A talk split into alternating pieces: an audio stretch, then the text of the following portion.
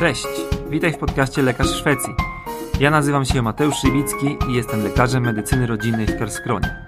Na łamach tego podcastu oraz na mojej facebookowej grupie przybliżam Ci realia pracy i życia lekarza po drugiej stronie Bałtyku oraz pomagam Ci w emigracji. Witajcie ponownie, lekarz Szwecji Mateusz Szywicki. Witam Was w drugiej części mojego spotkania z moimi kolegami tutaj z południowej Szwecji, onkologami, Moniką oraz Dawidem. I teraz przechodzimy do następnych tematów. W pierwszej części rozmawialiśmy bardzo dużo o pracy klinicznej, o różnych formach pracy nad tym pacjentem. Teraz chciałbym Was zapytać o konkretnie o leczenie, tak? Tutaj kierując się na onkologię kliniczną, bardziej mm. do Moniki się zwracam. Dostępność do leków, programy lekowe, jak to wygląda tutaj po tej stronie Bałtyku? Dobra. E, programów lekowych nie ma. E, dostępność do leków jest bardzo dobra.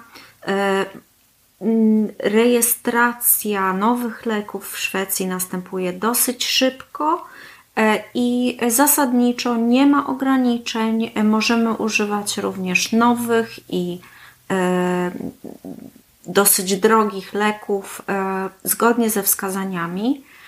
E, wszystko, e, można dawać właściwie wszystko, co jest w Szwecji e, zarejestrowane i co jest rekomendowane przez ichnią Agencję Ochrony Technologii Medycznej, która nazywa się Enterodet. Mm, niemniej jednak jest to o wiele szerszy wachlarz niż programy lekowe i jest, nie ma tutaj ograniczeń wynikających z tychże programów. Są wskazania, jest pacjent, nadaje się, jedziemy.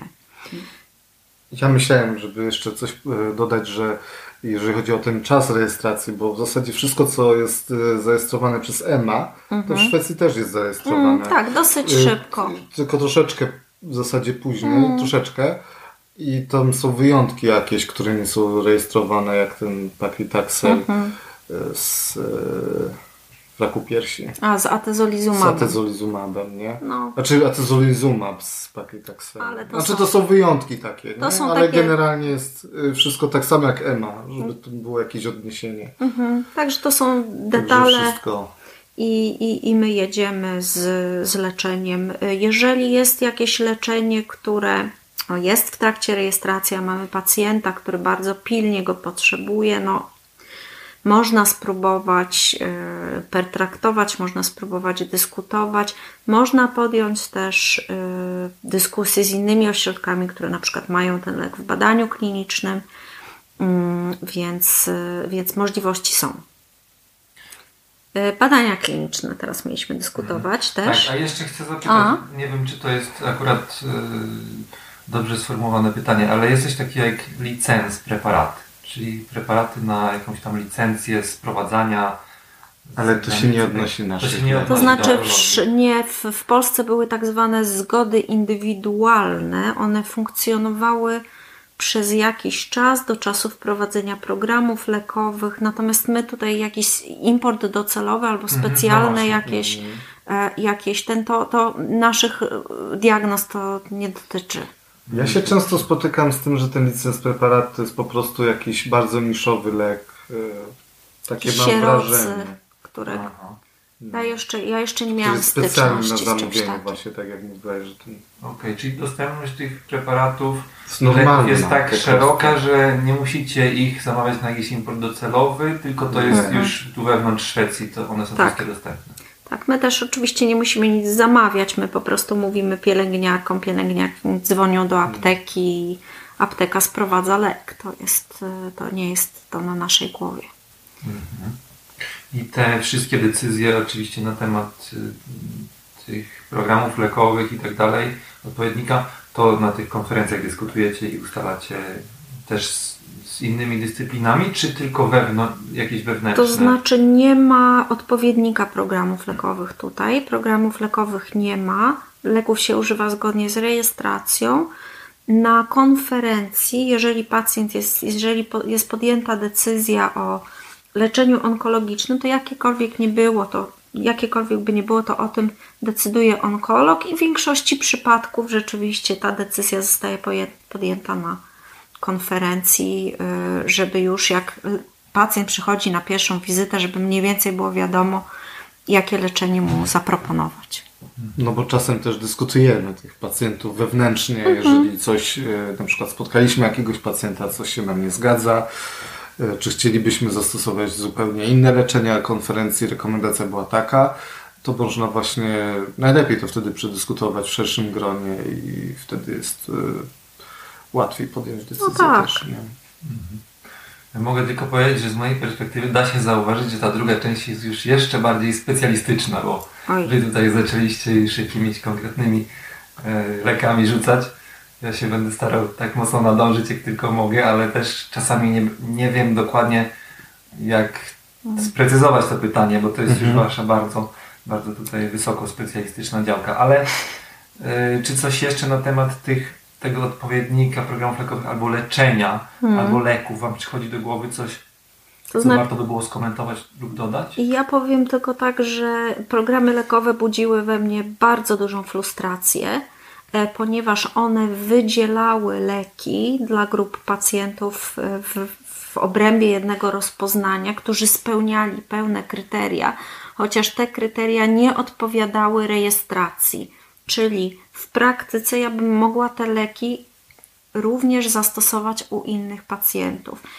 Programy lekowe też często nie obejmowały leków, które wiadomo było, że są dobre, że działają, także były zarejestrowane w Europie, ale zanim system przepracował program lekowy, to mijało rok, mijały, mijało półtora roku.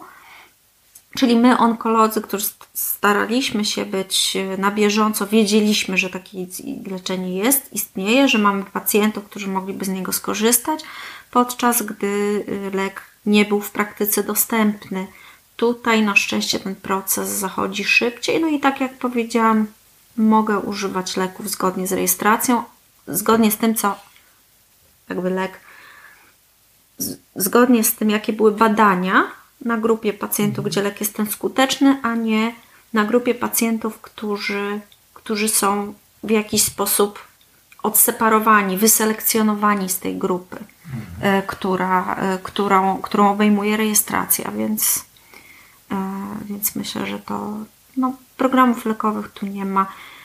Drogie nowe leki są rejestrowane, my wysyłamy wiadomość do E, do takiej agencji, która monitoruje i nadzoruje to leczenie. Tu chodzi oczywiście o finansowanie, nowe leki są drogie, zajmuje to chwilkę czasu, ale, e, ale, ale oczywiście jest to a jakiś przykład takiego leczenia, które jest drogie, ale dostępne w zasięgu Twojej ręki, mhm. że możesz pacjentowi je zaproponować w jakiejś konkretnej diagnozie? Mhm. Coś, coś takiego, co na polskie warunki całkowicie powiedzmy nie zaistniało. Jakiś możesz przykład podać? Nie mam pojęcia, jaka jest teraz sytuacja w Polsce. Nie wiem, które leki e, były dostępne, są. A e, taki... Ale pamiętasz na przykład, kiedy był wprowadzony Ipilumab e, w Polsce? E, o tak. E... Ale tak bez programu lekowego. Czy dalej jest program lekowy? Nie, nie, on jest dalej. Na, to myślę, że to Czy dalej są programy no. lekowe, ale taką na przykład przykładem może być lek na raka piersi w tabletkach, który nazywa się no, palbocyklip ten palbocyklip w roku 19, jak tutaj przyszłam, był dostępny bez problemu na receptę. E, to jest dobry, skuteczny lek, e, który potrafi kontrolować raka piersi przez wiele lat nawet. Natomiast w Polsce, kiedy ja opuszczałam Polskę, był, nawet jeszcze nie było programu lekowego. Hmm. Więc to pacjentki mogły sobie go kupić za ogromne pieniądze E, część kupowała, ale. No właśnie, ale tego nie Ja jeszcze chciałem dodać, że właśnie ten Impilumab to było tak, że jak ja zacząłem pracę na klinice w 2013 roku, no to mieliśmy pacjentów, którzy dostali w 2012 ten lek na przykład. Ja nie wiem, Mhm. A. kiedy tam w Polsce była To rejestracja, ale z ipilimumabem dosyć... to ja mam taką historię, że w roku 12 mieliśmy go, oczywiście nie, nie było mowy, to ipilimumab to jest lek, e, stary lek e, już dzisiaj, już dzisiaj. stary lek, pierwsza taka immunoterapia. I to było takie wielkie wow. Immunoterapia, krótko mówiąc, e, aktywizuje własne komórki odpornościowe do walki z komórkami nowotworowymi. Przy okazji również aktywizuje reakcje autoimmunologiczne. E, Więc ten lek był stary, miał dużo powikłań, ale rzeczywiście był to wielki przełom, zwłaszcza w Czerniaku. No i my w tym roku e, 2012 mieliśmy ten ipilimumab w badaniu naukowym. Ludzie zjeżdżali w całej Pols- z Polski z, z, z rozpoznaniem czerniaka rozsianego. No i to też, może nie powinnam o tym mówić, ale teoretycznie w badaniu naukowym, jeżeli się y, stosuje jakiś lek, jeżeli zostają resztki w fiolce, należy je utylizować. No, z tą utylizacją było różnie. E, Niemniej jednak e, udało się, że tak powiem, zachowywać ten lek i też podać parę dawek pacjentom, e, ale, ale to była naprawdę walka. Ale ty już mówisz, że w 12 roku No, dawaliście nas, to w ogóle lekką ręką, więc e, a tak w Polsce to była wtedy walka i to był wielki ten i myśmy tam robili po prostu niemalże triaż tych pacjentów. No to była fajna No perspektywa. takie leczenie jest bardzo drogie. Nie? Mm. Ono kosztuje... Wtedy kosztowało 800 tysięcy koron na rok. Znaczy to jest jedna terapia w. To jest jedna terapia, cztery dawkami. podania. A jak to wygląda? Bo podałeś przykład tego leku, który jak w 2019 wyjeżdżałaś, ten lek Mhm. na nowotwór piersi, to jakbyś mogła porównać, bo wtedy pacjentki kupowały ten lek same w Polsce, tak? I płaciły Te, całą które, tą- które były które na to stać. Aha. Mhm. I to tego rzędu mm, była kwota tam kilku, kilkunastu Ki- tysięcy Kilkunastu złotych. tysięcy miesięcznie. A w Szwecji jak to wygląda? To jest refundowane w ten sposób, że to jest całkowicie za w cudzysłowie Tam zero, chyba klinika czy- płaci za E, to. Klinika płaci za to No. częściowo. Y, Pacjentki kupują palbocykli y, w aptece. My piszemy zwyczajną receptę. Mhm. Pacjentki idą do apteki odebrać lek. Płacą niewielką kwotę albo nic. rzędu.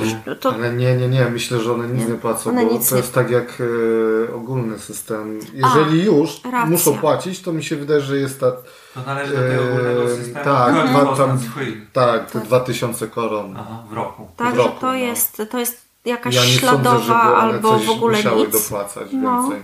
Czyli sumarycznie za wszystkie leki, nie tylko te onkologiczne, ale też inne, Mhm. Do 2000 około koron w roku taki... Znaczy ja nie wiem jak jest z tymi naszymi onkologicznymi na receptę Ja też powiem szczerze, że Ale jeżeli jest, to jest, ja myślę, że tylko co najwyżej ten, y, ta kwota To jest co- 2000 koron. Nic dodatkowego na pewno nie może by być. Nie, Nie, mogłoby być. nie. Wbrew Także prawu, one właściwie za pewnie śladową opłatą odbierają ten lek z apteki.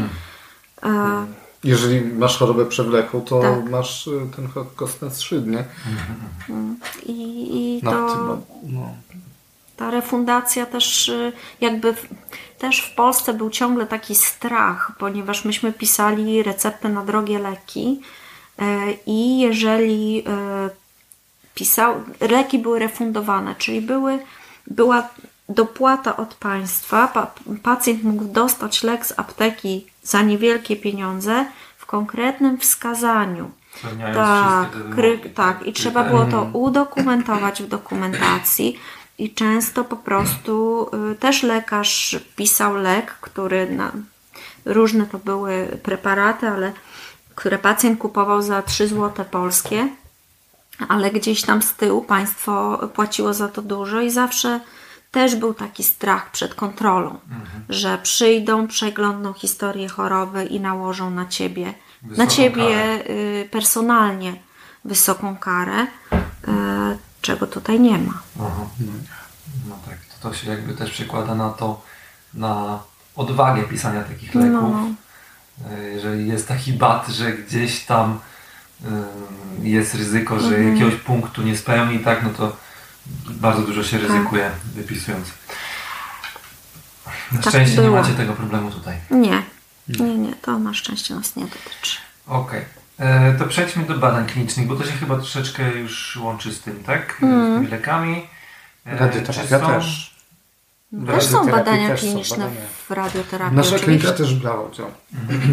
No właśnie, czy są badania kliniczne dostępne w y, Szwecji i czy są łatwo dostępne? Jak to wygląda? Jak to jest zorganizowane? Mm. No więc tak, badania kliniczne jak najbardziej są. Y, My jako mały ośrodek y, prowadzimy ich relatywnie mniej niż duże ośrodki akademickie, ale również mamy parę badań i badania kliniczne y, to są badania nowych leków, ale również nowych metod leczenia i nowych schematów radioterapii, więc to nie, nie jest y, e, jakby tylko badanie leków. E, Mamy tutaj podstawową różnicą, z, z, bo ja też pracowałam w takich ośrodkach w Polsce dużych, które, które prowadziły badania kliniczne. Podstawową różnicą jest, jest to, że tutaj jest bardzo duży nacisk na badania akademickie, czyli takie badania, które są sponsorowane przez e, państwo, E, i e, ośrodki dostają pieniążki na to e, od państwa. E, Tam, gdzie ja pracowałam, największy nacisk był na badania komercyjne, które były projektowane i sponsorowane przez duże firmy farmaceutyczne. Różnica również jest taka, że tutaj badania komercyjne y, pieniążki idą do ośrodka, nie do badaczy. Także w Polsce y, lekarz mógł zarobić całkiem sporo na badaniach klinicznych komercyjnych. Tutaj my nie dostajemy za to pieniędzy. Y, Jeśli chodzi o dostępność badań, to jest ich dużo, są różne. E, W danym regionie y, jest mniej więcej, a co, jest taka sieć. My, my na przykład onkolodzy piersiowi, onkolodzy mózgowi, onkolodzy no, różnych diagnoz, mniej więcej wiemy, co się dzieje, mniej więcej wiemy, co się toczy. E, I jeżeli mamy pacjenta, który byłby odpowiednim kandydatem i uznajemy, że odniósłby korzyść z badań z eksperymentalnego leczenia czy metody, to y, możemy go skierować do, nawet do innego ośrodka. A może opowiedz też, jak wygląda proces y, wprowadzania badań do naszej kliniki, nie? Mhm. bo to jest ciekawe, że, że, że nawet taki mały szpital jak nasz może brać udział y, w badaniach klinicznych i, i brał wielu takich znanych jak Rapido, czy, czy Hypo Studie. Study, czy tam, Mhm. y, już teraz nie pamiętam innych, ale Mhm. teraz mamy z kolei Larctus. Takie było, Larctus nie? się już zakończył. Mhm. Ja, to też się zakończył. właśnie. Opowiedz właśnie jak to, bo to jest ciekawe, wydaje mi się, że... E, Czy wygląda to w ten sposób, że my mamy taką e, grupę, e, która się nazywa e, Wydział Badań Klinicznych, czy można to tak, można Dwie to tak osoby. nazwać. Tak, właściwie, no właściwie są to tak. Dwie pielęgniarki. Dwie pielęgniarki plus, plus jedna e, pani emerytowana doktor. Aha. No przecież nie zapomnij. Tak. E, Ale to wszystko jest bardzo, bardzo e, sprawnie działające i mając na oku jakieś badanie kliniczne, z którym albo zwróciła się firma, albo Sam usłyszało jeden, nie? się tak Może. gdzieś tam, że, że, że, że jest jakieś badanie w danej diagnozie, e, wypełnia się blankiet i ten później to jest analizowane przez, e, przez tą naszą, e, przez nasz Wydział Badań Klinicznych. Ocenia się przede wszystkim to, jaka będzie moc rekrutacyjna nasza, ile my mamy pacjentów, których ewentualnie do tego badania można by było zrekrutować. No i tak jak Dawid mówił, naprawdę y, kilka takich ważnych badań akademickich, głównie tutaj w klinice, mieliśmy, które zmieniło praktykę.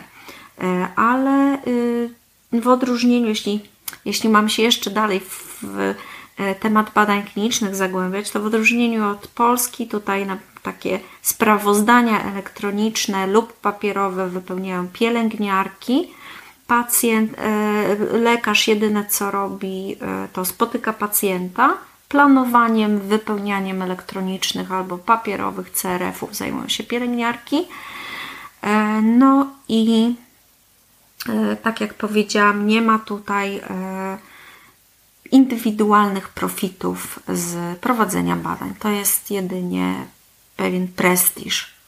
Ale w zakresie tego swojego etatu Mhm. można Tak, gospodarować się- ilość godzin w swoim schemacie tygodniowym czy miesięcznym, Tak, to nie która jest- się przeznacza w, w, jakby w zakresie tego pełnego swojego Mhm. etatu albo części etatu To jest część na po działalność prostu. właśnie No. tych W tych badaniach. Nie jest, ja, absolutnie jest to w godzinach pracy. Właśnie, to chciałem No warto to podkreślić. Mm, Nie jest to nic, co się wy, wykonuje ekstra. Ja myślę, że nie powiedzieliśmy o takiej ważnej sprawie. Wydaje mi się, że tutaj w Szwecji, przynajmniej u nas na onkologii, dużo zależy od nas, jak ta praca będzie wyglądała. E, To znaczy, jak e, dzień pracy naszej będzie wyglądał, na czym się będziemy skupiać, gdzie będzie, gdzie będzie szła główna siła, jeżeli chodzi o leczenia. I w zasadzie lekarz ma taką funkcję napędz, napędzającą y, ten system na, w klinice. Chodzi mi na przykład o wprowadzanie nowych metod leczenia, nie? Mhm. Że to jest y, takie wewnętrzne, y, bardziej od wewnątrz niż z zewnątrz. O to mi chodzi. No, no tak, bo są Nie, że osoby odpowiedzialne, odpowiedzialne, bo to na, też na jest, jakąś diagnozę. Ich, też ich funkcja, nie? że Mhm. jak jest jakieś nowe leczenie, to one to robią tak, żeby to wprowadzić y, w taki sposób, żeby to funkcjonowało na klinice. Nie? Mm. Można też należeć do takich może jakichś Udwe-Klingsgrup albo coś Tak, właśnie o to mi chodzi, że to, tego w Polsce nie ma. osoby, Ja nie tak? wiem, nie, nie Nie. kojarzę, żeby było coś takiego, a tu w. Szwecji jest, nie? Mm. Ty wiesz, na czym polegają te, też mieliście u Was e, Tak, na tak. pewno. W każdej klinice wydaje mi się, że jakiś, No. jeżeli ma się ochotę, to można się jakimś tematem bardziej zainteresować i na Tak przykład go podjąć i to może wpłynąć, tak jak Wy mówicie, na zmianę postępowania albo zmianę Mhm. rutyn.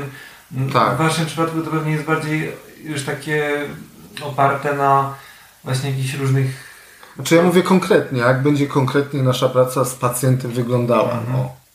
Tak, tak. No to to jest właśnie fajne, że ogólnie można powiedzieć, że w tym systemie szwedzkim lekarz ma znacznie większy wpływ na to, jak tą swoją y, siłę czy te swoje moce przerobowe wykorzystuje. Tak? Wydaje mi się, że więcej. Ja nie wiem, jak Ty Monika uważasz. Czy masz też takie odczucie, czy oczywiście, że to jest tak, że to musi być w ramach jakiejś i z góry, to na Mhm. pewno mają też wizję, ale, ale yy, no Bardziej są- plastyczne takie Mhm. jakby, że Na można pewno- to pokierować. Tak, na pewno można y, ułożyć ten plan, czy poprosić o ułożenie tego planu według swoich preferencji i na pewno można się y, rzeczywiście zogniskować, rozwijać y, na jakimś polu. Y, Też osoby, to, to co Dawid wspomniał, osoby, które mają odpowiedzialność za jakąś diagnozę nowotworową, wprowadzają nowe leczenia, ale również ustalają pewne rutyny. One mogą być różne y, w obrębie klinik.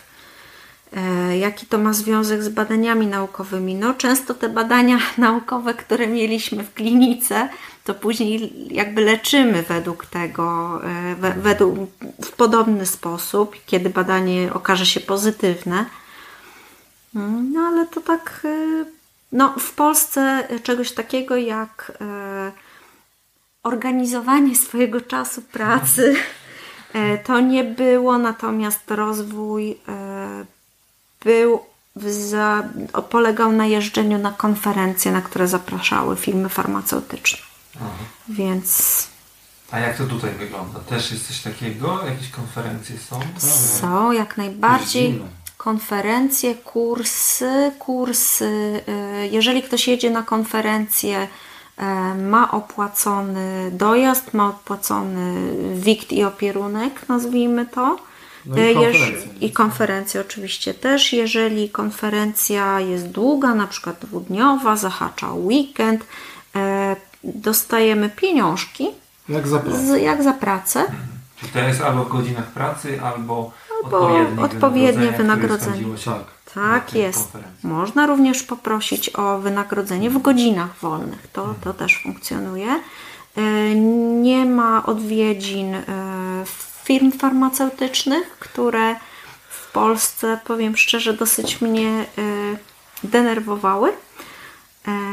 To ten, ale ludzie, znaczy personel, który czy, czy specjaliści, którzy są ukierunkowani na jakąś diagnozę, mają wręcz obowiązek śledzić największe konferencje europejskie, światowe w obrębie swojej diagnozy i później referować je. Czyli się dzielą z nami po Tak. prostu. No właśnie, bo jest chyba Referować. taka kultura dzielenia się właśnie Tak. referowania na takich wewnętrznych konferencjach. Tak jest. Nawet na, najdrobniejszych nowinek, czy jakichś takich czegoś, co Mhm. się gdzieś usłyszało, czy zapożyczyło może z jakiejś innej kliniki, albo jakichś ciekawych rozwiązań, nawet praktycznych, prawda? Tak, to jest, to jest y, bardzo Stały fajne. punkt właściwie nawet takich chyba spotkań Mhm. personelu. Tak, mamy wydzieloną w nawet czy- e, tak, raz w Tak, tygodniu. jak ktoś chce coś y, przedstawić, zaprezentować, y, to mamy, ma możliwość się wpisać na liście, O. data, godzina i I to jest jedno, że ma możliwość, ale czasami nie ma, że jak się pracuje ze szwedzkimi kolegami, zauważam, że oni niemalże oczekują, że jeżeli się było na tak. jakimś kursie, to Tak, tak, obowiązkowo no dobrym jest obowiąz- jest zreferowanie, to jest, czego się tam dowiedziałeś. Absolutnie. W zasadzie to jest obowiązek. to jest obowiązek, także I to jest plusem dla wszystkich, prawda? Mhm. Nikt nie czuje się jakiś yy, Oczywiście. uciśniony tym, że musi to zreferować, bo to jest normalne, że ta osoba była właśnie to tam na tej konferencji i żeby się podzieliła też ze swoimi kolegami Oczywiście. w klinice tymi wszystkimi, co najmniej jakimiś najważniejszymi punktami. tak jest. Mm, To jest, to To, jest co bardzo tak, dobre. najważniejsze w danym momencie.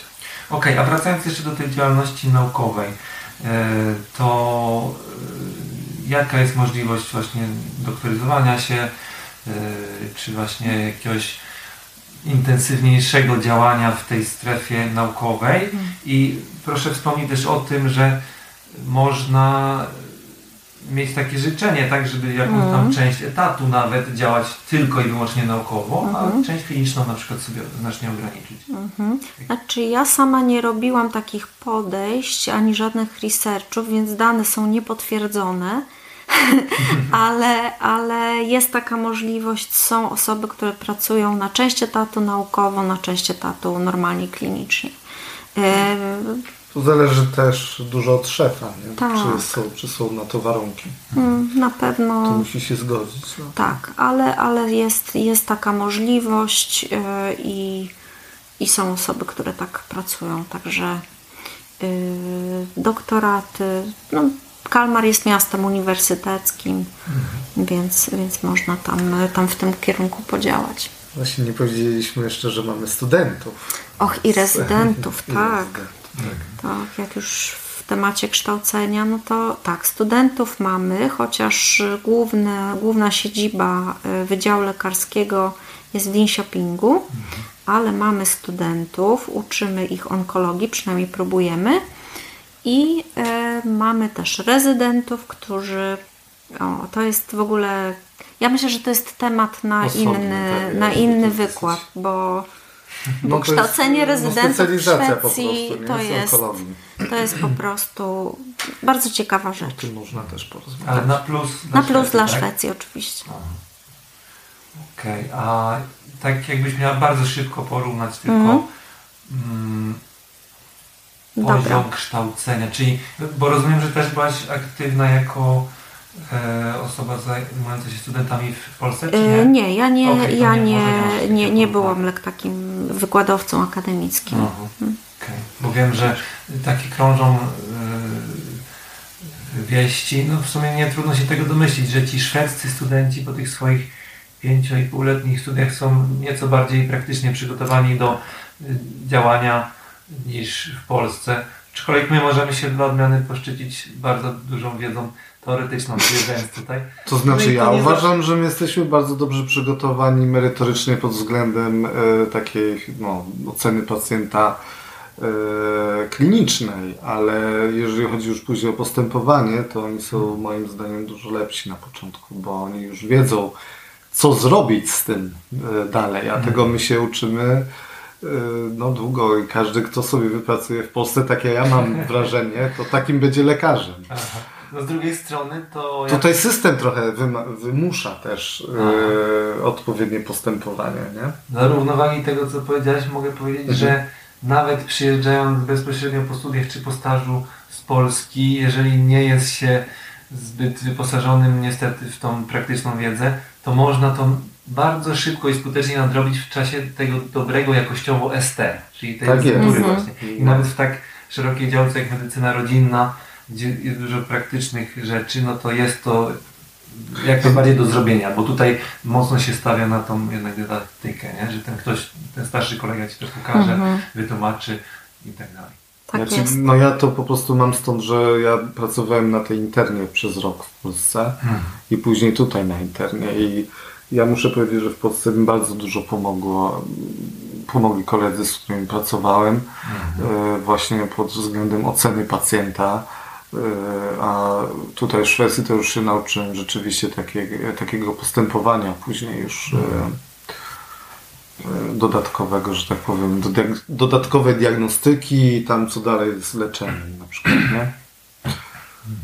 No. Okej, to teraz idąc e, dalej, e, powiedzieliśmy o leczeniu, ale skupmy się teraz na pacjencie, którego już wyleczyć nie można, czyli pacjent paliatywny i opieka nad tym pacjentem, leczenie tych objawów paliatywnych, bo wiem, że o to też się pojawiło pytanie na grupie i właśnie opiszmy, scharakteryzujmy, kim właściwie, albo y, jaki specjalista zajmuje się takimi pacjentami. Czy jest to onkolog, tak jak Wy, czy jest to e, specjalista medycyny paliatywnej lub czy jest to lekarz rodzinny. Ja od siebie też będę mógł coś tutaj dodać ewentualnie. No ja chciałem powiedzieć, że to jest tak, że to onkolog zaczyna to leczenie paliatywne, takie stricte paliatywne, czyli e, leczenie objawów e, spowodowanych przez chorobę. A już później, no to można poprosić o pomoc e, specjalistów z medycyny paliatywnej, ale także wysyła się skierowanie do właśnie lekarza rodzinnego, który ma pieczę nad pacjentem w dalszej drodze tego pacjenta. I ja bardzo lubię współpracować z e, naszymi kolegami właśnie pod tym względem. Mm. I y, opieka nad pacjentem paliatywnym się odbywa bardziej na zasadzie hospitalizacji, czy bardziej się kładzie nacisk na, na hospicjum domowe? Zdecydowanie na y, tak zwane hospicjum domowe, chociaż tutaj się tak nie, nie nie nazywa to. E, Niemniej jednak są, e, jest to w dużej mierze opieka w domu, w której bierze udział lekarz rodzinny wraz z takimi drużynami paliatywnymi, takimi drużynami wsparcia.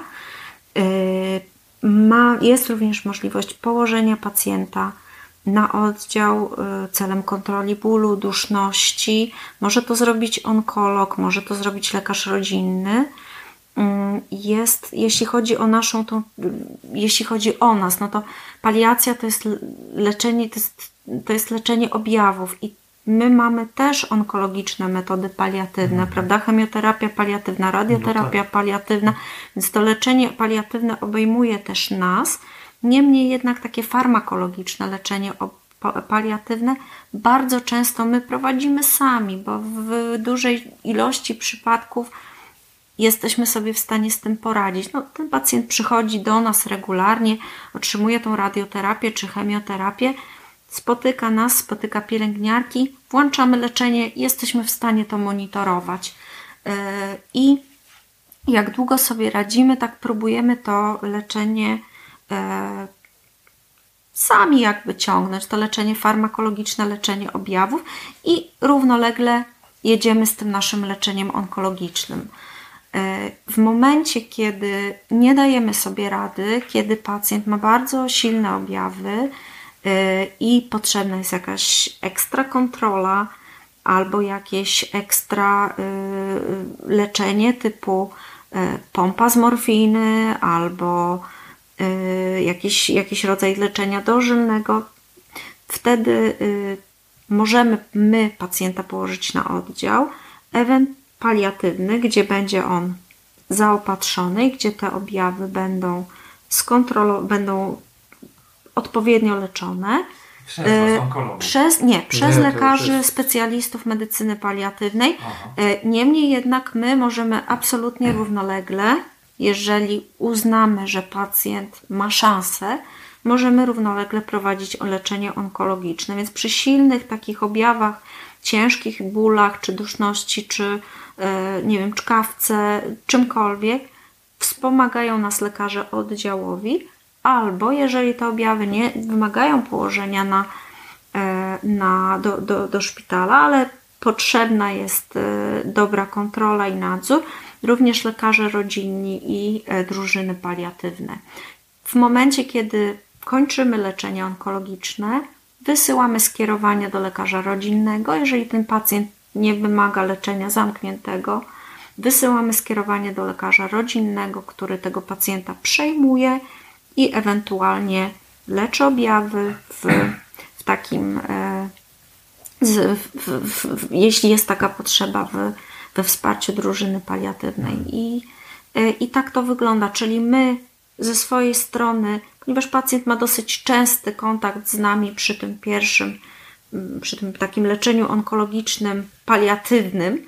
My staramy sobie z tym radzić, e, staramy sobie, e, radzimy sobie w większości przypadków tym sam, sami, ale wiemy, że mamy wsparcie, jeśli jest taka potrzeba, możemy o nie poprosić lekarza rodzinnego, lekarzy paliatywnych.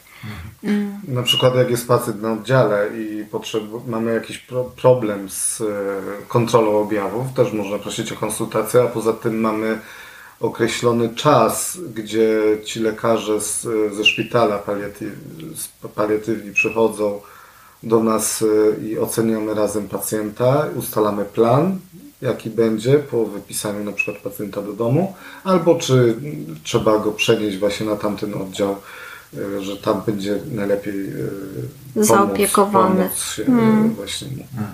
Także to jest też dobre. Mhm. No fajnie właśnie to opisaliście, bo tutaj nie ma jednoznacznej odpowiedzi na to pytanie. Tak, tak naprawdę wszystkie te trzy specjalizacje się zajmują leczeniem tych objawów paliatywnych, tylko czasami z nieco innej perspektywy, bo tak jak Wy mówicie, macie jeszcze dodatkowe narzędzia ku temu, tak? Dodatkowo właśnie jest jeszcze tak, że jeżeli pacjent już jest zakończony na przykład leczenie onkologiczne u nas na klinice i jest skierowany już do tej y, paliatywnej opieki w domu albo na oddziale, jeżeli ma jakieś objawy, które można na przykład kontrolować radioterapią paliatywną, to do nas przychodzi skierowanie i my dajemy wtedy rady, pomagamy tym mm. w ten sposób. Także zawsze lekarz rodzinny lub lekarz medycyny paliatywnej, jeżeli pacjent się poprawi, bo tak się też czasem zdarza po kontroli objawów, tak? Mm. Jak był taki zbulowany, że nie mógł iść, a teraz dobrze się już czuje, bo, bo bóle są pod kontrolą, zawsze mogą jakby odesłać pacjenta do nas do ponownej oceny. No właśnie mi się tak zdarzyło, że przyjąłem taką pacjentkę, która miała być właśnie już całkiem paliatywna, że tak powiem. Ale ona się polepszyła po pół roku i no, przyszła do Ale nas opowiedz, bo to historia jest dobra. Jedź. Długo to nie zajmie, a, a historia jest... Powiedzieć, tak? Opowiedz. Pani z Ameryki. Z Ameryki, Tylko tak. bez może żadnych No nie, oczywiście, nie. że nie. Znaczy, to była, y, to jest kobieta, która, która y, mieszkała w Stanach Zjednoczonych i tam była leczona od y, no, 6, 7, nie 8 lat już teraz z powodu raka jajnika, znaczy raka i, hmm. i w zasadzie tam już było zakończone leczenie paliatywne, już miała nawet konsultację paliatywną, no i przyszła tutaj wróciła do domu i chciała tutaj spędzić swoje ostatnie po prostu chwile. Ja ją przyjąłem, ponieważ nie miała żadnej, żadnego lekarza tutaj, ani rodzinnego, ani nikogo, kto by mógł ją w ogóle, że tak powiem, brzydko wprowadzić w system. Więc ja to zrobiłem. E, oczywiście wysłałem skierowanie do, e, do lekarza rodzinnego i ona tam otrzymała pomoc, ją zaopiekowano kompleksowo, ponieważ ona, jej stan ogólny się bardzo poprawił. Naprawdę. Jeżeli można było oceniać na WHO 4, 3, 4 w zasadzie, to jak do mnie przyszła, to była 1-2. Więc, więc to była poprawa po prostu kolosalna. Kolosalna. I, może, I ja po prostu zdecydowałem, żeby dać jej znowu leczenie paliatywne na ten nowotwór, co... No, bo to było po prostu jest taki jakby dowód Monika na też to, mi jak... pomagała, oczywiście. Nie, no bo to jest taki dowód, jak ważne jest leczenie objawów.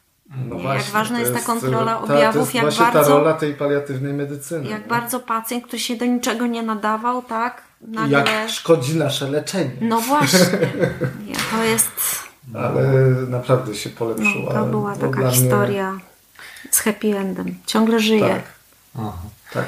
No właśnie i to co mówicie też ważne, że ten pacjent tak naprawdę może krążyć między tymi różnymi poziomami, czyli jak on się poprawia, to może można go przesunąć do medycyny rodzinnej, bo jakby tutaj dajemy sobie doskonale radę e, ze strony POZ-u, żeby też można zrobić jakąś wizytę, wizytę domową i przejąć tego pacjenta na jakiś czas.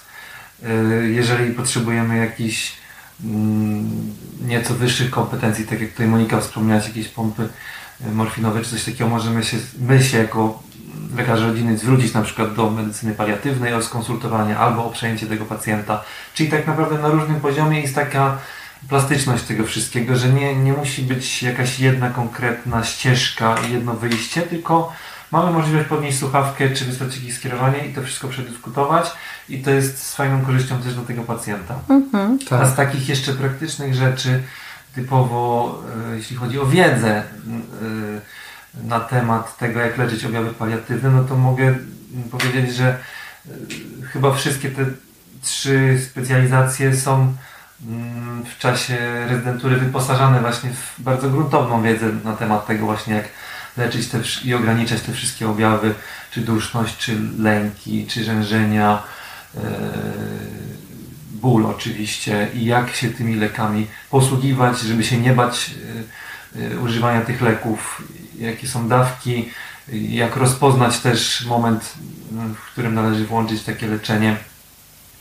I nawet też również jak rozmawiać z bliskimi, Tak. kiedy ocenić ten moment taki przełomowy, tak zwany i jak tego pacjenta doprowadzić w cudzysłowie do końca. Także tu też nie trzeba się bać, że tej wiedzy brakuje, tylko już systemowo jest takie założenie, że ten lekarz rodzinny musi być w tą wiedzę wyposażony i, i musi sobie doskonale radzić Też się nie z boi, tymi nie? wszystkimi preparatami. Mhm. No. Jeszcze właśnie nawiązując do tej rozmowy i do tego punktu przełomowego, e, tutaj bardzo duże jest, w każdym leczeniu, w leczeniu onkologicznym zwłaszcza, jest zawsze taki moment, kiedy onkolog nie ma już nic do zaoferowania ze swojego arsenału. Pozostaje leczenie objawowe, również bardzo ważne, ale oczywiście pacjent tego w ten sposób nie postrzega. Tutaj jest czas yy, i są umiejętności, żeby właśnie taką rozmowę przełomową z pacjentem przeprowadzić. E, I często e, jest tak, że y, w trakcie takiej rozmowy obecna jest rodzina, e, więc informuje się pacjenta, ale pacjent może również, czy to kiedy jest na wizycie, czy też kiedy jest położony na oddział, zaprasza się rodzinę, jeśli pacjent wyraża na to zgodę, żeby była zawsze jakaś osoba obok, która mogłaby pocieszyć i pomóc w trudnej sytuacji. I też lekarze paliatywni, jeżeli mamy, jeżeli jest taki pacjent, któremu trudno jest się z tym pogodzić, albo który e, no, jest taki walczący, który nie potrafi tego zrozumieć, czy jest mu bardzo trudno z tym, e, lekarze i pielęgniarki paliatywne bardzo często przychodzą do nas i siadamy razem i oni jakby tak w naturalny sposób tego pacjenta przejmują. Mówią, że mów, tłumaczą, tak, że tutaj nie jest, tutaj oni na, dla ciebie nic nie mają, ale my jeszcze mamy tutaj ze swojej strony bardzo dużo. Nie będzie już tej chemii, co miałeś po niej tam yy, yy, wymioty i co byłeś taki słaby. Teraz my tutaj cię weźmiemy, bo jest jeszcze cała masa rzeczy, które można zrobić. Także jest świetny ten taki. Płynne I, przejście. tak, i oni tak tego pacjenta zagadają, że on właściwie zacznie się zastanawiać, "Mhm, no dobra, to, ale fajnie, no nie będę musiał teraz co tydzień wyników pobierać, nie? No a tutaj, a będę mógł być w domu, tak, będziesz mógł być w domu, my tutaj będziemy Cię odwiedzać i, i tak dalej. Więc to jest ogromne, ogromne wsparcie ze strony, ze strony medycyny paliatywnej właśnie w takich punktach przełomowych i, e, i one tutaj są, te punkty przełomowe, one są niezmiernie ważne i jest na to czas, bo no, w poradni onkologicznej przy 40 pacjentach w Polsce to po prostu no nie mam już nic dla pana nara. Nie? Natomiast y, i skierowanie do hospicjum w tym momencie. E, No, natomiast no, tutaj to jest też takie płynne przejście i, i fajnie się to od- odbywa. A roz, miałeś kiedyś rozmowę, e, jak wygląda właśnie ta paliatywna opieka domowa? Rozmowę z kim? No z kimkolwiek na Twoim kanale, Nie, nie, jeszcze nie miałem. Bo to jest też właśnie ciekawe, jak to jest zorganizowane, że to jest e, lekarz rodzinny z pielęgniarką, e, którzy sobą tam spotykają tego pacjenta właśnie regularnie i ten pacjent ma w zasadzie dostęp 24 godziny na dobę tą pielęgniarkę, nie? która może mu podać leki w Tak. razie tych objawów e, i może przyjechać do niego i może mu pomóc. Nie musi jechać do szpitala, żeby dostać jakieś leki przeciwbólowe czy jakieś, in, z jakiegoś innego powodu. Dokładnie. E, Także to jest, e, myślę, Pielęgniarka że jest to jest bardzo duży temat też z drugiej strony. No, nie? tak, tak, no na pewno kiedyś trzeba będzie I ten cały chemsiens, nie? I E, word też. planning. No i word planning.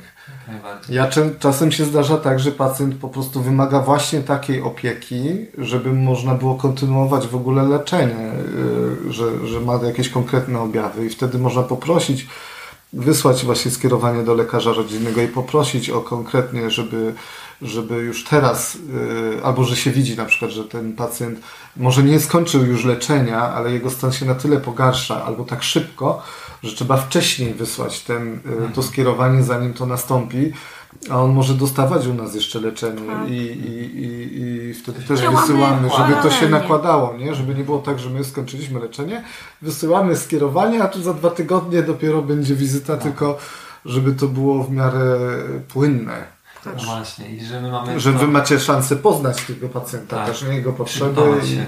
No. i się przygotować do tego też. spotkania i też teraz mi się nasunęło, jak Monika tak opowiada, że w sumie my w medycynie rodzinnej, ale też ci lekarze i pielęgniarki, którzy pracują w medycynie paliatywnej, oni mają to narzędzie, którego wy nie macie, czyli wizyta domowa. Bo wy nie wykonujecie wizyty domowej, Nie. prawda? Nie, u nas z kolei lekarze z oddziału paliatywnego mają tam zasięg 10 km chyba od, od szpitala, nie? Później to jesteście wy głównie. Tak, ale to może też być różne chyba w różnych... To różnie jest, to jest się To ja mówię, to, dlatego mówię, że to tak u nas jest, Tak, nie? bo ja byłem na przykład na y, takim krótkim stażu Mhm. y, właśnie na medycynie paliatywnej, dwa tygodnie w czasie mojej rezydentury z medycyny rodzinnej, to wchodzi zwykle jako też taki, może nie obowiązkowy, ale jest w dobrym mniemaniu się tam wybrać i trochę zobaczyć jak Teraz już jest to chyba obowiązkowe. Tak mi się wydaje, że dla tego nowego e, specjalisty. Każdy tam, Każdy musi być, każdy specjalista. tak, ale każdy tam idzie zazwyczaj z chęcią, bo chce zobaczyć Tak, jak oczywiście. to się odbywa, żeby No jasne. sobie też móc z tym poradzić. No. I właśnie e, zauważyłem, że tak naprawdę no prawie 100% ich pracy się opiera na wizytach domowych, tak? Więc Tak. i zawsze jest to team, właśnie lekarz i pielęgniarka. Mhm. Mają dostęp też do psychologów, do jakichś tam ewentualnie fizjoterapeutów, Tak. żeby też w różny sposób temu pacjentowi pomagać te wszystkie objawy i nieprzyjemne e, jakieś towarzyszące temu całemu procesowi Mhm. symptomy zmniejszać. Czasem się zdarza, że też kładą z powrotem takiego pacjenta, bo wiedzą, że na oddziale mu łatwiej po, po, pomogą Mm. niż w domu, nie? Też się tak zdarza. Że, tak, że to nie jest tak, że jak tylko domowa, jak, że jak domowa opieka, to tylko domowa. Mm. Aha. Ale aczkolwiek stawia się bardzo silnie taki nacisk na to, że jeżeli już wiemy faktycznie, że jest paliatywny i nie jesteśmy w żaden inny sposób już w stanie pomóc, tylko y, objawy zmniejszać, to żeby tego pacjenta nie wysyłać na siłę na przykład na SOR albo Oczywiście, z powrotem do, to- na, Tak, na jakieś do przetoczenia szpitala. krwi, Tak. brać tysiąc wyników, to absolutnie wszystko jest na jakby- spokojnie. Tak, żeby on miał możliwość spędzić w domu te ostatnie Mm. chwile i żeby jak najbardziej komfortowo mógł, jak Mhm. Najlepszych, komfortowych warunkach mógł Tak tego momentu doczekać. Więc jakby tu jest ważna ta umiejętność wyczucia, w którym momencie włączamy ten cały pakiet tych leków uśmierzających wszystkie te objawy i żeby nie być, nie mieć też takiej za szybkiej ręki, nie być zbyt w gorącej wodzie kąpanym, że od razu jakiś symptom, który się pogorszy i wysyłamy na SOR, tak? To jest Mm. wręcz na odwrót. Propaguje się to, żeby przemyśleć dwa, trzy razy, czy to w ogóle jest sens takie coś Tak robić, jest. że to będzie minus tak naprawdę dla wszystkich, zarówno dla y, tego personelu, który spotka na sorze, dla tego Dla pacjenta pacjenta też, no bo on też i tak musi niestety też poczekać tam na tą pomoc. To nie jest tak, że każdy Dokładnie. się rzuci niestety na niego, bo oni mają tam odpowiednie priorytetowanie pacjentów na e, izbie przyjęć, więc to nie jest tak. Nie? I on prędzej dostanie pomoc adekwatną w domu niż, e, Niż na sorze. zostanie wysłany na Tak. sorze. Tam jest triaż, tam, jest, tam są opaski, tam jest grupowanie.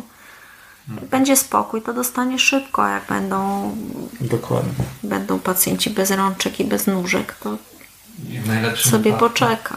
W najlepszym wypadku też dla tego pacjenta jest bardziej komfortowe spotkać się z tym lekarzem rodzinnym, którego Zna. zazwyczaj już znano, bo ten proces paliatywny Mhm. się ciągnie przez jakiś czas, Hmm. niż gdzieś tam Przypadkowym jechać. kimś. Mm.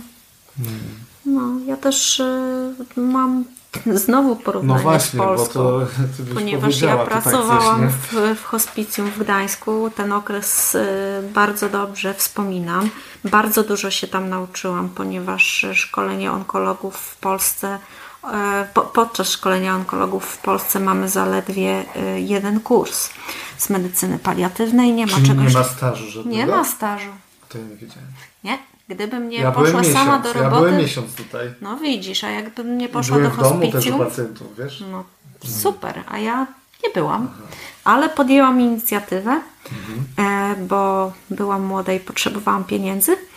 E, co mi jednak, nie tylko pieniądze, właściwie pieniędzy to z tego nie było, prawdę mówiąc, no ale było spore takie doświadczenie i też ogląd i to było, tam pracowała grupa niezwykle oddanych lekarzy i pielęgniarek, którzy, y, którzy wykonywali super dobrą robotę, ale różnica była taka, że hospicjum y, przejmowało pacjenta już po leczeniu onkologicznym, więc nie było tej ścieżki równoległej, tak jak jest tutaj, że my mamy ten komfort, że są, y, jest personel, który y, są lekarze i pielęgniarki, którzy nam pomogą w walce z objawami, żeby łatwiej nam było prowadzić leczenie onkologiczne. E, Więc to była ta różnica. No, w dużym mieście Gdańsku ogromne potrzeby. E, Wielokrotnie były takie sytuacje, że pacjent wizyty hospicjum domowego czy też przyjęcia na oddział hospicyjny nie doczekał. E, Również była, był bardzo duży opór przed hospicjum, bo hospicjum równa się przecież umierania, prawda? E, Tutaj na szczęście nie ma takiej postawy i, i ludzie z chęcią przyjmują tą pomoc w objawach. Także, także pozdrawiam wszystkich z, z hospicjum w Gdańsku. E, Dużo się nauczyłam, ale no mówię, jest to e, no znowu na plus dla, dla Szwecji. Okej, dobra. To żeby nie było takie drętwe zakończenie, to jeszcze wróćmy w ostatnim pytaniu e, do tych kompetencji, ewentualnego wyrównania kompetencji dla takiego specjalisty onkologa, który przyjedzie z Polski. Mm. Zazwyczaj chyba jest tak, że się ma tylko jedną z tych specjalizacji, czy zdarza się często, że się dorabia też drugą, czyli i radioterapię onkologiczną, i onkologię kliniczną? Jak, jak często to jest? Bardzo często się zdarza, że e, specjalista jest, nazwijmy na to, podwójnym specjalistą, ale osoba już z takimi kompetencjami rzadko kiedy szuka pracy poza Polską, no bo jednak powiedzmy sobie szczerze, dwie specjalizacje zrobić, tak to jest tam ile, 12 e, czy, czy 10 lat, jeszcze weź, weźmy e, pod uwagę jakieś ewentualne macierzyństwa, tak, i zdarzenia losowe e, tak, jakieś doktoraty i tak dalej. No więc to są już osoby takie, jak już dobijają, no tą robią tą drugą specjalizację, no to one już są takie po 40. W większości przypadków dobrze ustawione, więc e, takie osoby przeważnie nie wyjeżdżają, chociaż może się mylę. I teraz tak, e, w momencie, kiedy e, rozmawia się ze swoim przyszłym pracodawcą, no bo taki moment y, zawsze nadchodzi, y, no mówi się dokładnie, prawda, no nie ściemnia się, że, że no przynajmniej było tak w moim przypadku, że ja powiedziałam wyraźnie, że ja jestem onkologiem klinicznym, ja się na radioterapii nie znam i zostałam zatrudniona jako onkolog kliniczny. Nikt ode mnie nie wymagał, żebym ja pracowała na radioterapii. choć z chęcią bym to zrobiła, ale nie było takich wymagań. Umiesz to, robisz to dobrze, zostajesz tutaj i koniec. Także nikt ode mnie nie wymagał tego. Z tego co wiem od kolegi radioterapeuty, który przyjechał z innego kraju bloku wschodniego, również nie wymaga się, żeby zrobił e, chemioterapię, więc no, pozostajemy przy tych naszych specjalizacjach. Także nie, nie, nie ma. Y, y, wydaje mi się, że zatrudniający są od- na tyle świadomi y, tego rozdziału, który jest. który istnieje na onkologię kliniczną i radioterapię onkologiczną w niemalże wszystkich krajach Europy, że zatrudniając onkologa klinicznego, no wiedzą, że będą mieli z niego pożytek w tej dziedzinie. Okej, I, ale, i, I podobnie z radioterapią. ale ewentualne możliwości, gdyby ktoś był ambitny i chciał tą drugą część y, też jakby tutaj uzupełnić, to są te możliwości, najbardziej. Tak? I, ale to zależy głównie od szefostwa. Czy w Tak. ogóle jest taka potrzeba, tak? Bo czasami Dokładnie. powiedzmy, powiedzmy nie, nie chcą, wolą skupić się na tym, czym ten lekarz jest najlepszy i najskuteczniejszy. Po Tak jest. Zwykle tak. tak. Mm, Znaczy oni bardzo dobrze znają swoje potrzeby i zatrudniając, e, zatrudniają pod kątem tych potrzeb, prawda? Nie zatrudnią radioterapeuty, żeby był chemioterapeutą. Po prostu biorą chemioterapeutę. E, więc e, tak. Więc tak to wygląda. E, i, I tyle. Super. To dziękuję Wam bardzo serdecznie za tą e, bardzo merytoryczną rozmowę. Cieszę się, że udało nam się tak wiele różnych tutaj punktów widzenia i perspektyw złapać w, w, tutaj w rozmowie. E, Nie, nie tylko z jednym gościem, ale dzisiaj z dwójką. I cóż, życzę Wam dalej samych sukcesów i Dzięki bardzo. Może mogę jeszcze jedno słowo na zakończenie? śmiało. Przyjeżdżajcie do Szwecji, ale tutaj też się pracuje. To nie jest tak, że my tylko siedzimy i pijemy kawę i wszystko robią za nas pielęgniarki. Tu jest niezły zapieprz. Take care. Troszkę inaczej po prostu wygląda, ale Trzymajcie się. Do usłyszenia. Do następnego. Hej, hej. dziękujemy. Hej do.